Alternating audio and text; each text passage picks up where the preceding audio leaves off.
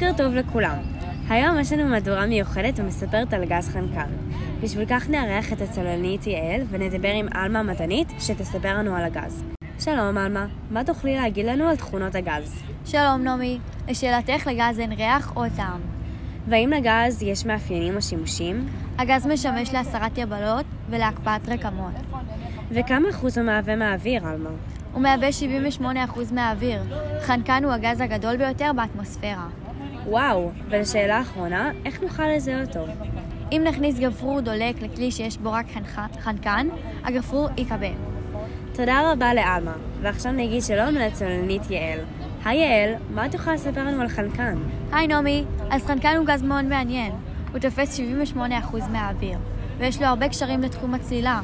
גם לנו יש 78% חנקן בבלון האוויר שלנו. אבל ככל שנצלול עמוק יותר, יותר חנקן יספק לנו ברקמות, ואם נעלה מהר מדי הוא לא יספיק לצאת, והוא ייתקע לנו במקומות בגוף. מקרה זה נקרא דיקומפרסיה, מחלה שנגלה אותה כ-30 דקות לאחר הצלילה, שאנחנו לא מרגישים טוב והעור שלנו מגרד. אוי לא, זה נשמע ממש מסוכן. חנקן גם אחראי למצב הנקרא שיכרון מעמקים. חנקן שנשאף תחת לחץ הוא בעל השפעה דומה, דומה לאלכוהול. כלומר, החנקן יכול לגרום לכם בעומק מסוים להיות שיכורים. גם כן, מצב מסוכן מאוד.